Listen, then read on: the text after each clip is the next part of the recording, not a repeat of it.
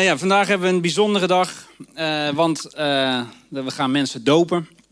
En dat is altijd een uh, bijzonder feest, omdat de doop is uiteindelijk een uiterlijke handeling van iets wat binnenin is gebeurd. Het is uiteindelijk hebben mensen ontdekt van... hé, hey, ik ben een, nieuw mens, ik ben een nieuwe schepping... Omdat, door, door je geloof in Jezus. En dat laat je zien door te zeggen van... nou, die oude mens heb ik ook niet meer nodig. Die laat ik achter hier in het, uh, in het watergraf, zoals dat dan zeggen. En om op te staan als die nieuwe mens in he, nieuwe kracht... de kracht van de Heilige Geest. En uh, Petrus die zegt ook van... ja, de doop, he, het was niet het vuil van je lichaam... Maar het is een, gebed tot God, een vraag aan God om een zuiver geweten. En hij zegt, en daar kun je om vragen, omdat Jezus is opgestaan uit de dood en in de hemel is binnengegaan, zit aan de rechterhand van God. En dat alle engelen, machten en krachten aan hem onderworpen zijn. En dat is waarom we kunnen vragen van Heer, geef mij een zuiver geweten. Dat er geen aanklacht meer is, geen zondebesef meer is. En um, het is dus in de doop, het is niet zo van, oh ja, ik ben, ben smerig, ik moet even gewassen worden en dan word ik weer schoon. Nee, dat is, het bloed van Jezus reinigt ons van alle zonden. Maar het is een handeling, we laten zien van, ik geloof dat, ik geloof dat ik met Jezus ben gestorven en dat ik ook weer met hem ben opgestaan. En dat laat ik zien aan iedereen en dat maak ik duidelijk en daarmee maak ik een statement, zowel fysiek als in de geestelijke wereld. Dus dat is wat je laat zien met de doop. Je laat zien dat je gelooft. Dat je gelooft in Jezus jouw redder. Dat je gelooft dat je, uh, ja, je oude leven voorbij is. En, dat je, en je zegt van ik wil een nieuw leven. Niet langer alleen, maar met Jezus leven. En je kunt heel veel over Jezus zeggen. Je kunt zeggen dat Jezus een geweldige profeet is. Dat Jezus een geweldige filosoof is. Dat Jezus geweldige ideeën heeft. Dat Jezus een goede leraar was. Maar uiteindelijk kwam Jezus maar met één doel. Jezus kwam om het probleem van de zonde op te lossen. Jezus kwam om de relatie te herstellen. Jezus kwam om ons weer bij de Vader te brengen. Om de Vader te laten zien. En dat is waarom we uh, willen starten met een serie in de aanloop ook naar Pasen over die omwisseling die heeft plaatsgevonden aan het kruis. En wij zijn als gemeente zijn we ook aangesloten bij de VPE, de Vereniging van Pinkster en Evangeliegemeentes. Volgens mij zeg ik het goed zo. Hè? Um, en die hebben als thema Zie Jezus.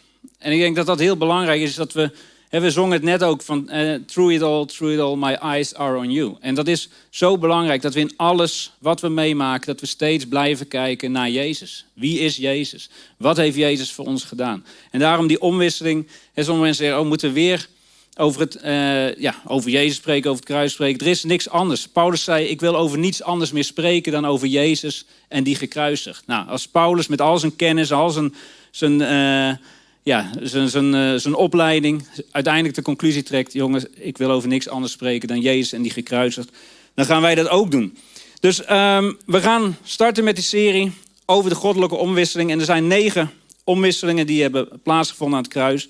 Vandaag zullen we het hebben over dat Jezus werd gestraft voor, uh, voor onze zonden... zodat wij vergeving kunnen ontvangen. Nou, volgende week zal ik het hebben over Jezus werd gewond... zodat wij genezen zijn. Jezus werd zonde zodat wij rechtvaardig zijn. Jezus stierf zodat wij leven. Jezus werd een vloek zodat wij gezegend zijn. Jezus werd arm zodat wij rijk zijn en leven in overvloed. Jezus droeg onze schaamte zodat wij zijn heerlijkheid ontvangen. Jezus werd afgewezen en verlaten zodat wij als zijn geliefde kinderen bij de Vader kunnen zijn. En met Pasen vieren we dat onze oude mens gestorven is, maar dat we met Jezus zijn opgestaan in een nieuw leven als die nieuwe mens. Nou, en vandaag vieren we dat ook nog eens dat hè, de mensen zijn die zeggen, nou, ik laat dat ook nog eens zien, ik sta op als die nieuwe mens. Dus dan maken we mooi de cirkel daarin rond. Nou, laten we gaan lezen in Jesaja 53, vers 5 tot en met 6. Om onze zonde werd hij doorboord, om onze wandaden gebroken. Voor ons welzijn werd hij getuchtigd. Zijn striemen brachten ons genezing. Wij dwaalden rond als schapen, ieder zocht zijn eigen weg, maar de wandaden van ons allen liet de Heer op hem neerkomen.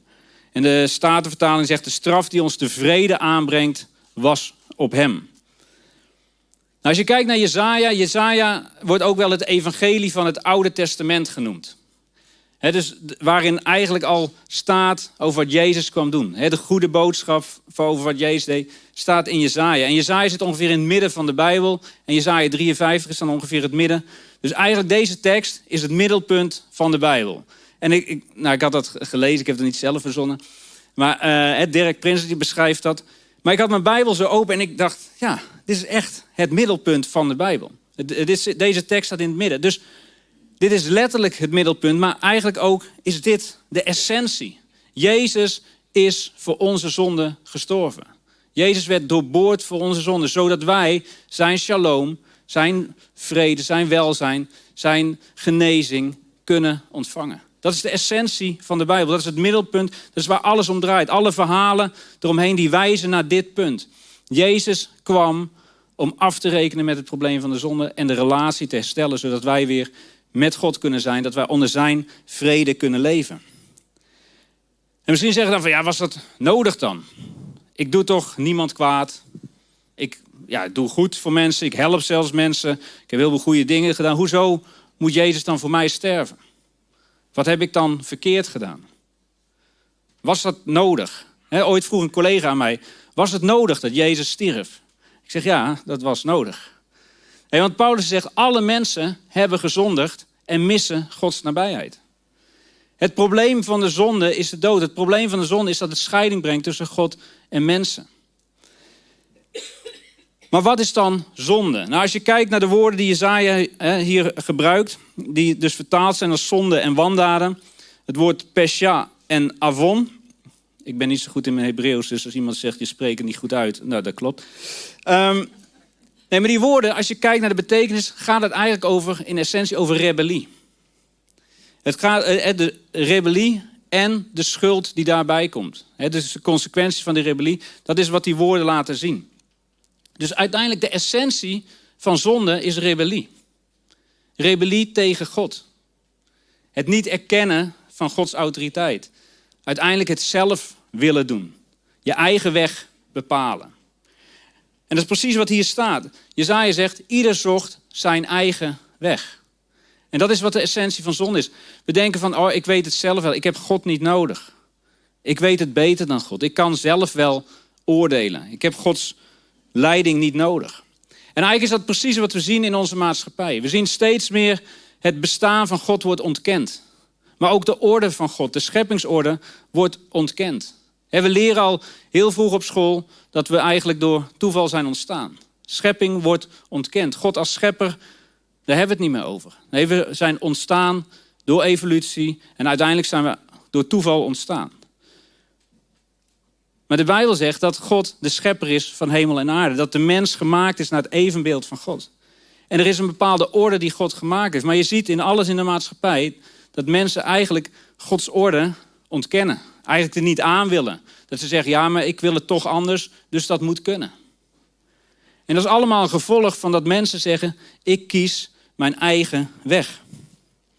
En dit is wat Paulus in Romeinen 1 al beschrijft. Dat de mensen hebben de, uh, de majesteit van God ingewisseld voor beelden van mensen. Ze hebben de waarheid van God ingewisseld voor de leugen. En ze zijn het geschapene gaan aanbidden in plaats van de schepper. En dat is allemaal het gevolg van de zondeval. Het is allemaal het gevolg van Adam en Eva die de leugen geloofden van, van de duivel dat God niet het beste met hen voor had. Zij begonnen te twijfelen aan Gods goedheid. Want God had, gezegd, God had hen alles gegeven. God had hun alle autoriteit gegeven. God had gezegd, hier heb je een tuin. Daarin is allemaal is overvloed. Er is eten genoeg. En jullie hebben de autoriteit om te heersen over de aarde. Je hebt alle macht in handen. En er is één ding wat je niet mag doen. Je mag niet eten van de boom van kennis van goed en kwaad. En de duivel die komt als een slang. En die verleidt en die zegt, ja, maar dat zegt God wel. Maar God wil jullie een beetje klein houden.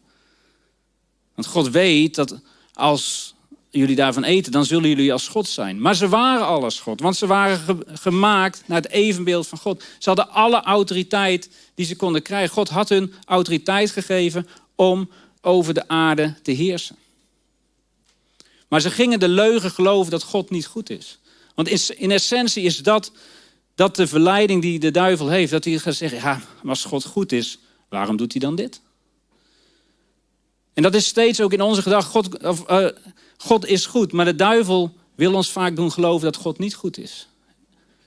Alsof wij God moeten gaan bewijzen van waarom is God dan goed? Want als dit dan allemaal gebeurt, waarom is God dan goed?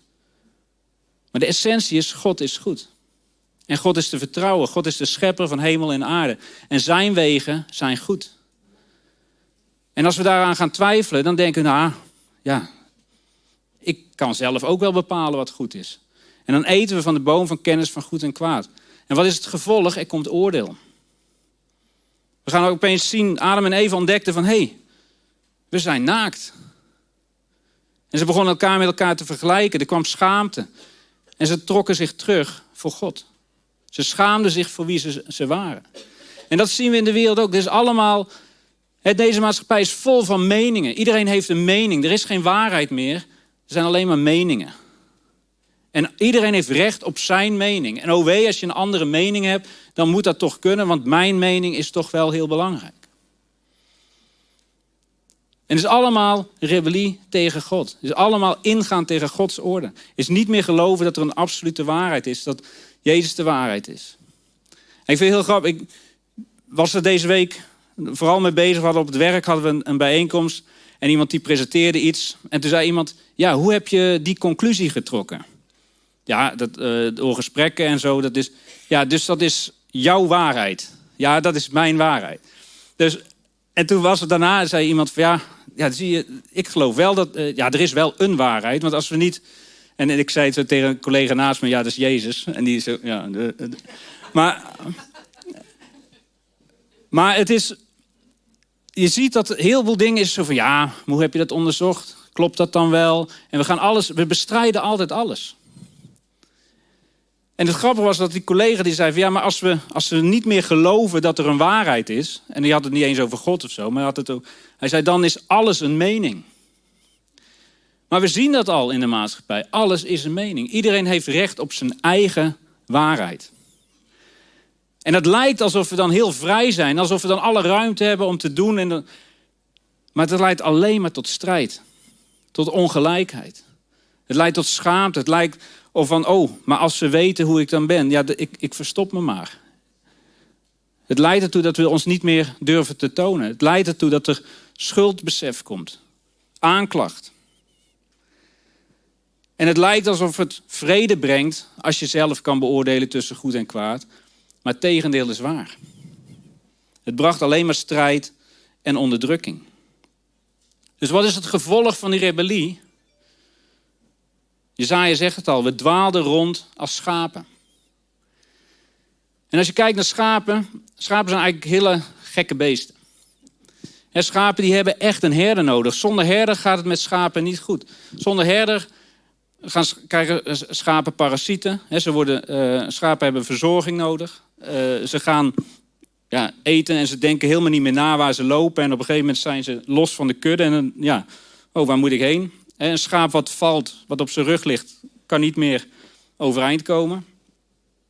Schapen als ze te dicht bij elkaar zitten of ze krijgen klachten, gaan ze elkaar bijten. dan gaan ze eh, zich met elkaar bemoeien in plaats van dat ze eten.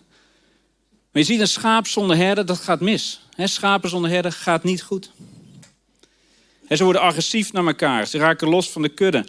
En eigenlijk zegt God dat al door de profeet Ezekiel. In Ezekiel 34, vers 5 zegt God... Zonder herder raakten ze verstrooid.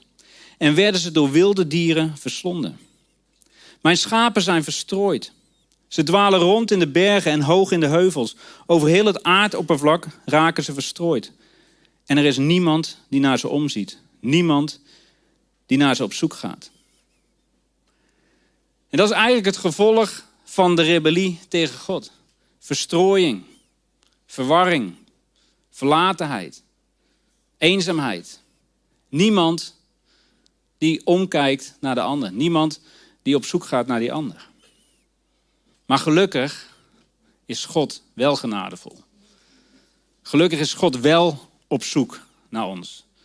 En heeft God een oplossing bedacht. God zoekt ons op. En je ziet het al bij Adam en Eva. Adam en Eva verborgen zich, want ze schaamden zich voor wie ze waren. Ze hadden snel blaadjes van de, van de boom gerukt om zich te bedekken. En ze gingen ergens onder een struik zitten, want ze dachten, oeh, als God ons ziet. Maar God komt naar hen toe. En God zegt, Adam, waar ben je? En God biedt een oplossing. God slacht een dier. God brengt een offer. Om met die, hui, met die vellen van die dieren, om Adam en Eva te kleden. Om ze te bedekken, zodat ze hun naaktheid niet meer zien. Maar het is een bedekking. Het lost het probleem niet op. Het blijft, dat, dat, dat schaamtegevoel, dat zondebesef blijft aanwezig. De problemen zijn niet weggenomen. Er is alleen een bedekking, het is een tijdelijke oplossing. Dus ze waren nog niet verlost van de gevolgen van de zonde. En je ziet ook het volk Israël. Uiteindelijk stelt God via het volk eh, Israël stelt hij een offerdienst in. Een offerdienst met, met een, de grote verzoendag. De dag waarop voor alle zonden van het volk verzoening werd gebracht. Er werd een lam geslacht. En uiteindelijk was, was je dan voor een jaar was je vrij, was je veilig. Want dan was het, het was voor, weer voor een jaar had je een bedekking. En het woord Kippur, Yom Kippur is de grote verzoendag. Het woord Kippur zegt eigenlijk, betekent bedekking. Dus ook daarin zie je dat het oude verbond loste het probleem van de zonde niet op. Het bedekte alleen de zonde. En je was voor een jaar veilig. Je was even voor een jaar bedekt. was even voor een jaar niet meer zichtbaar dat de zonde er was. Maar elk jaar moest je opnieuw offers brengen. Dus het maakte niet vrij, het maakte alleen maar bewust van zonde. Het maakte alleen maar bewust van schuld. Dus elk jaar was, het, was je weer opnieuw van, oh ja, ik heb dit verkeerd gedaan, dit is niet goed aan mij, dit is niet... Maar gelukkig, ik heb een lammetje. Het lammetje is, uh, ja, is zonder vlek. Het is goed, ik kan weer vooruit, ik kan een offer brengen en dan ben ik weer veilig. Maar het maakt alleen maar dat je continu bezig was met wat is er allemaal niet goed aan mij. En het maakte niet vrij. En in Hebreeën 10, vers 1 tot 10 wordt dit beschreven. Er staat, omdat de wet slechts een voorafschaduwing toont van al het goede dat nog komen moet, en daarvan niet de gestalte zelf laat zien, heeft hij ook niet de kracht om degene die jaar in, jaar uit met steeds dezelfde offers aan de dienst deelnemen, ooit tot volmaaktheid te brengen. Anders zouden die offers al lang niet meer gebracht worden. Degenen die aan de dienst deelnemen, zouden immers als ze eenmaal gereinigd zijn, geen enkel zonderbesef meer hebben. Het tegendeel is echter waar. Elk jaar worden met dezelfde offers de zonde weer in herinnering geroepen. Bloed van stieren en bokken kan mensen onmogelijk van hun zonde bevrijden. En daarom zegt Christus bij zijn komst in de wereld: Offers en gaven hebt u niet verlangd. Maar u hebt mij een lichaam gegeven. Brand- en reinigingsoffers behaagden u niet. Toen heb ik gezegd: Hier ben ik. Want dit staat in de boekrol over mij geschreven. Ik ben gekomen, God, om uw wil te doen. Eerst zegt hij: Offers en gaven hebt u niet verlangd. Brand- en reinigingsoffers behaagden u niet. Daarmee bedoelt hij de offers die volgens de wet worden gebracht. Dan zegt hij: Hier ben ik. Ik ben gekomen om uw wil te doen. Waarmee hij het eerste opheft om het tweede van kracht te doen zijn. Op grond van die wil zijn wij voor eens en altijd geheiligd door het offer van het lichaam van Jezus Christus. dus het was Gods wil dat we daadwerkelijk vrij zouden zijn. Het was nooit Gods wil dat het bedekt zou zijn en dat er een hele cyclus van, van offers zouden zijn en elke keer zouden beseffen van uh, wat, wat er verkeerd is aan ons. Nee, Gods wil was dat de relatie hersteld zou zijn. Gods wil was dat we weer tot volmaaktheid gebracht zouden zijn. Gods wil is het dat we weer de autoriteit hebben waarmee we in de eerste instantie geroepen waren. Dat we weer kunnen heersen over deze aarde. Dat is wat Gods wil is. Dus Gods wil is dat we bij Hem zijn. Dat we weer die volmaakte mens zijn die Hij geschapen heeft. Dat we zijn zoals we bedoeld zijn. Maar de oude, de oude offerdienst nam, dat, nam die oude mens niet weg. De oude offerdienst bedekte alleen maar. Maar de nieuwe offerdienst, de nieuwe mens, Jezus, die laat ons opstaan in een nieuw leven. En dat is waarom Johannes de Doper ook zegt: zie het lam van God dat de zonde van de wereld wegneemt. Jezus zegt, de wet en de profeten gaan tot aan Johannes en daarna wordt het koninkrijk van God verkondigd. Dat betekent tot aan Johannes was het allemaal bedekt en waren we, konden, ja, konden we veilig zijn. Dan werden we niet meteen gestraft voor onze zonde. Maar vanaf Johannes komt Jezus en Jezus neemt de zonde weg, zodat we weer in onze autoriteit kunnen zijn en dat het koninkrijk van God baan kan breken, dat het koninkrijk van God zichtbaar kan worden in de wereld door ons heen. Dus Jezus is het, niet het lam wat de zonde bedekt, Jezus is het lam wat de zonde wegneemt. Daadwerkelijk weg. En Colossense 1 vers 20 zegt, en door hem en voor hem alles met zich willen verzoenen. Alles op aarde en alles in de hemel. Door vrede te brengen met zijn bloed aan het kruis. Eerst was u van hem vervreemd en was u hem in al het kwaad dat u deed vijandig gezind. Maar nu heeft hij u door de dood van zijn aardse lichaam met zich verzoend. Om u heilig, zuiver en onberispelijk bij zich te brengen. Maar dan moet u blijven geloven. Onwrikbaar gegrondvest zijn in de hoop die het evangelie brengt. Het evangelie dat u gehoord hebt en dat aan alle schepselen onder de hemel verkondigd is en waarvan ik, Paulus, de dienaar ben geworden. Dus Paulus zegt hier van, door Jezus dood zijn we verzoend. En waarom zijn we verzoend? Zodat we heilig en zuiver en onberispelijk bij God gebracht kunnen worden. Zodat we bij God kunnen zijn. En wat is daarvoor nodig? Geloof. Vast blijven houden, onwrikbaar, gegrondvest zijn in de hoop van het evangelie. En wat is dat evangelie? Is die goede boodschap dat Jezus de zonde van de wereld heeft weggenomen. Dat we door het bloed van Jezus gereinigd zijn. Dat er niets meer is wat ons kan scheiden van de liefde van God. Omdat Jezus de relatie hersteld heeft. En dat is waar we in alle omstandigheden aan vast moeten houden. Als we fouten maken, als we geconfronteerd worden met ellende, als we het dingen niet meer zien zitten, hou vast aan de hoop van het evangelie. Dat de relatie hersteld is, dat Jezus de zonde van de wereld heeft weggenomen. En als je kijkt naar het woord wat hier gebruikt wordt voor verzoening in het Grieks, dan is dat apokatalasso. Een mooi woord, hè? Niet apocalyps, maar apokatalasso. En eigenlijk bestaat uit twee woordjes, apo en katalasso. En als je dat letterlijk neemt, is het eigenlijk de scheiding veranderen. Dat is wat er eigenlijk staat. Hè? Staat voor scheiding en katalasso is veranderen. Dus wat is verzoening in het nieuwe verbond? Is niet meer bedekken, wat het nog in het Hebreeuws was. Maar in het Grieks is het de scheiding veranderen. En ze vertalen het dus ook wel met de oude staat van harmonie herstellen. Dus wat is verzoening onder het nieuwe verbond? Wat heeft Jezus gebracht? Hij heeft die oude staat van harmonie die er in het paradijs was. De autoriteit waarmee Adam en Eva bekleed waren. Het vrij met God kunnen wandelen door de tuin. Dat heeft Jezus hersteld. Hij heeft niet slechts het bedekt. En zegt, oké, dan kunnen jullie vooruit. En dan is het, uh, hè, is het niet gevaarlijk. Nee, hij heeft echt het probleem weggenomen. Hij heeft de scheiding veranderd. Hij heeft ons weer samengebracht. En daarom scheurde ook het voorhangsel. Het voorhangsel was, was iets van, het bracht nog altijd scheiding. Je mocht, de priester mocht maar één keer per jaar naar binnen gaan op de grote verzoendag. Maar Jezus heeft dat weggenomen door de zonde weg te nemen. En daardoor kunnen we weer vrij tot God komen. dus dat is niet een, een tijdelijk iets, maar het is een eeuwige verlossing. Een eeuwige verzoening. Herstel van de relatie tussen ons en God. Dus Jezus die goede herder die omziet naar de schapen die verloren zijn. Jezus de goede herder die ons weer terugbrengt bij de Vader. En 1 Petrus 2 vers 25 zegt, eens dwaalde u als schapen. Nu bent u teruggekeerd naar hem die de herder is, naar hem die uw ziel behoudt. En dan zegt hij in, vers, in hoofdstuk 3 vers 18, ook Christus immers heeft, terwijl hij zelf rechtvaardig was, geleden voor de zonde van onrechtvaardigen. Voor eens en altijd om u zo bij God te brengen.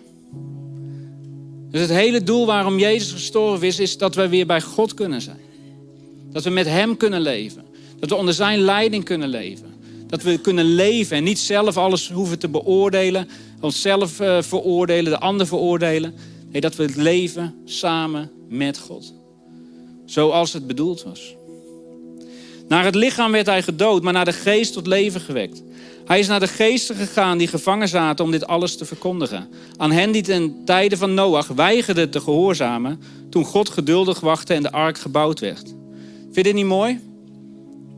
Dit laat Gods genade zien. Sommige mensen zeggen, oh, het Oude Testament zo vol met veroordeling en alle mensen werden weggevaagd.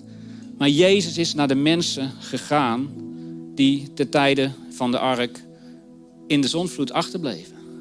Dus Jezus heeft zich geopenbaard. Ieder mens krijgt de kans om, om de keuze te maken: kies ik voor Jezus of kies ik voor mezelf? Gods genade is zoveel groter dan dat wij kunnen beseffen. In de ark werden slechts enkele mensen, acht in totaal, van de watervloed gered. En dat water is een voorafbeelding van het water van de doop, waardoor u nu wordt gered.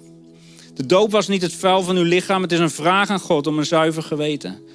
Hierom kunt u vragen dankzij de opstanding van Jezus Christus, die de hemel is binnengegaan en nu aan Gods rechterhand zit, terwijl de engelen, machten en krachten aan hem onderworpen zijn. Het water van de zonvloed scheidde Noach en zijn gezin van de oude wereld. Het was, de oude wereld werd vernietigd en toen het water weg was, stapten ze in een nieuwe wereld. En ook zo is het als we ons laten dopen, dan zeg je daarmee, ik laat die oude wereld achter, dat oude leven, die oude mens die met Christus gekruisigd is, die begraaf ik hier in dat waterbad. En ik sta op in een nieuw leven. Een leven met God. Een leven onder Gods autoriteit. Een leven vanuit Gods kracht. En dat oude is voorbij. Het is hier achtergelaten. Het dient nergens meer toe. En daarom begraven we het. Dus dat is wat jullie mogen doen. Jullie mogen dat oude achterlaten. En jullie staan op in dat nieuwe leven. In de kracht van God. In zijn, in, in de wandel met hem. En dat is, het is niet dat, dat die doop, dat, dat dat je redding is. Het is door geloof dat we gered zijn. Maar die doop laat wel zien wat we geloven. Daarmee laat je zien van dit is wat ik geloof en daarom doe ik deze handeling. En dat is wat jullie hebben gedaan. En uh, dat gaan we zo meteen doen. laten we een moment bidden. Vader, dank u wel voor uw onvoorwaardelijke liefde. Vader, dank u wel voor uw genade. Dank u wel dat u, dat u het bent die naar ons omziet. Dat u het bent die de relatie herstelt. Heer, dat u het bent die, die naar ons op zoek is gegaan. Heer, dat u uw zoon heeft gegeven. Heer Jezus, dank u wel dat u bereid was tot aan het kruis om onze zonde te dragen. Heer, om onze fouten, onze tekortkomingen, onze rebellie, onze opstand tegen u, om het te dragen. Heer, en alle gevolgen daarvan te, dragen in uw lichaam. Heer, en op dit moment, ik dank u, Heer, dat u daarmee alle, ja, al onze zonden en alles wat eraan kleeft, alle gevolgen die wij eigenlijk hadden moeten dragen, Heer, dat u dat op, op u heeft genomen en dat het weg is. Heer, dat u de zonde van de wereld heeft weggenomen. Heer, waardoor we nu vrij kunnen zijn. Waardoor we vrije mensen kunnen zijn. En Heer, dank u wel, Heer, dat we zo meteen dat, dat mogen zien hoe u ja, in de levens van, van, van mensen heeft gewerkt. Heer, dat we dit, dit mogen gaan vieren, dat we die oude mensen gaan begraven. Heer, zo om, om op te staan in dat nieuwe leven. Heer, daar dank u voor in Jezus' naam. En laten we een moment nog onze hoofden gebogen houden. Want ik wil je vragen, als jij nog nooit voor Jezus gekozen hebt. Als je zegt van, hé, hey, ik, ja, ik merk, ik, ik kies mijn eigen weg. En ik heb niet voor Jezus gekozen. Ik heb me niet aan hem overgegeven. Dan wil ik je die kans geven om te zeggen, ik kies voor Jezus. Dus als je dat bent en zegt, ik moet, ja, het is nodig dat ik die keuze maak. Dan wil ik je gelegenheid geven om gewoon je hand op te steken. En verder gaan we er niks mee doen. Maar je mag je hand opsteken en zeggen van, ik kies voor Jezus. Ik wil Jezus volgen. Zijn er mensen die zeggen van ik kies voor Jezus? Ja, dankjewel. En laten we een moment bidden. En bid gewoon mee. Zeg, Heer Jezus, ik erken dat u God bent. Ik erken dat u de Heer van mijn leven bent.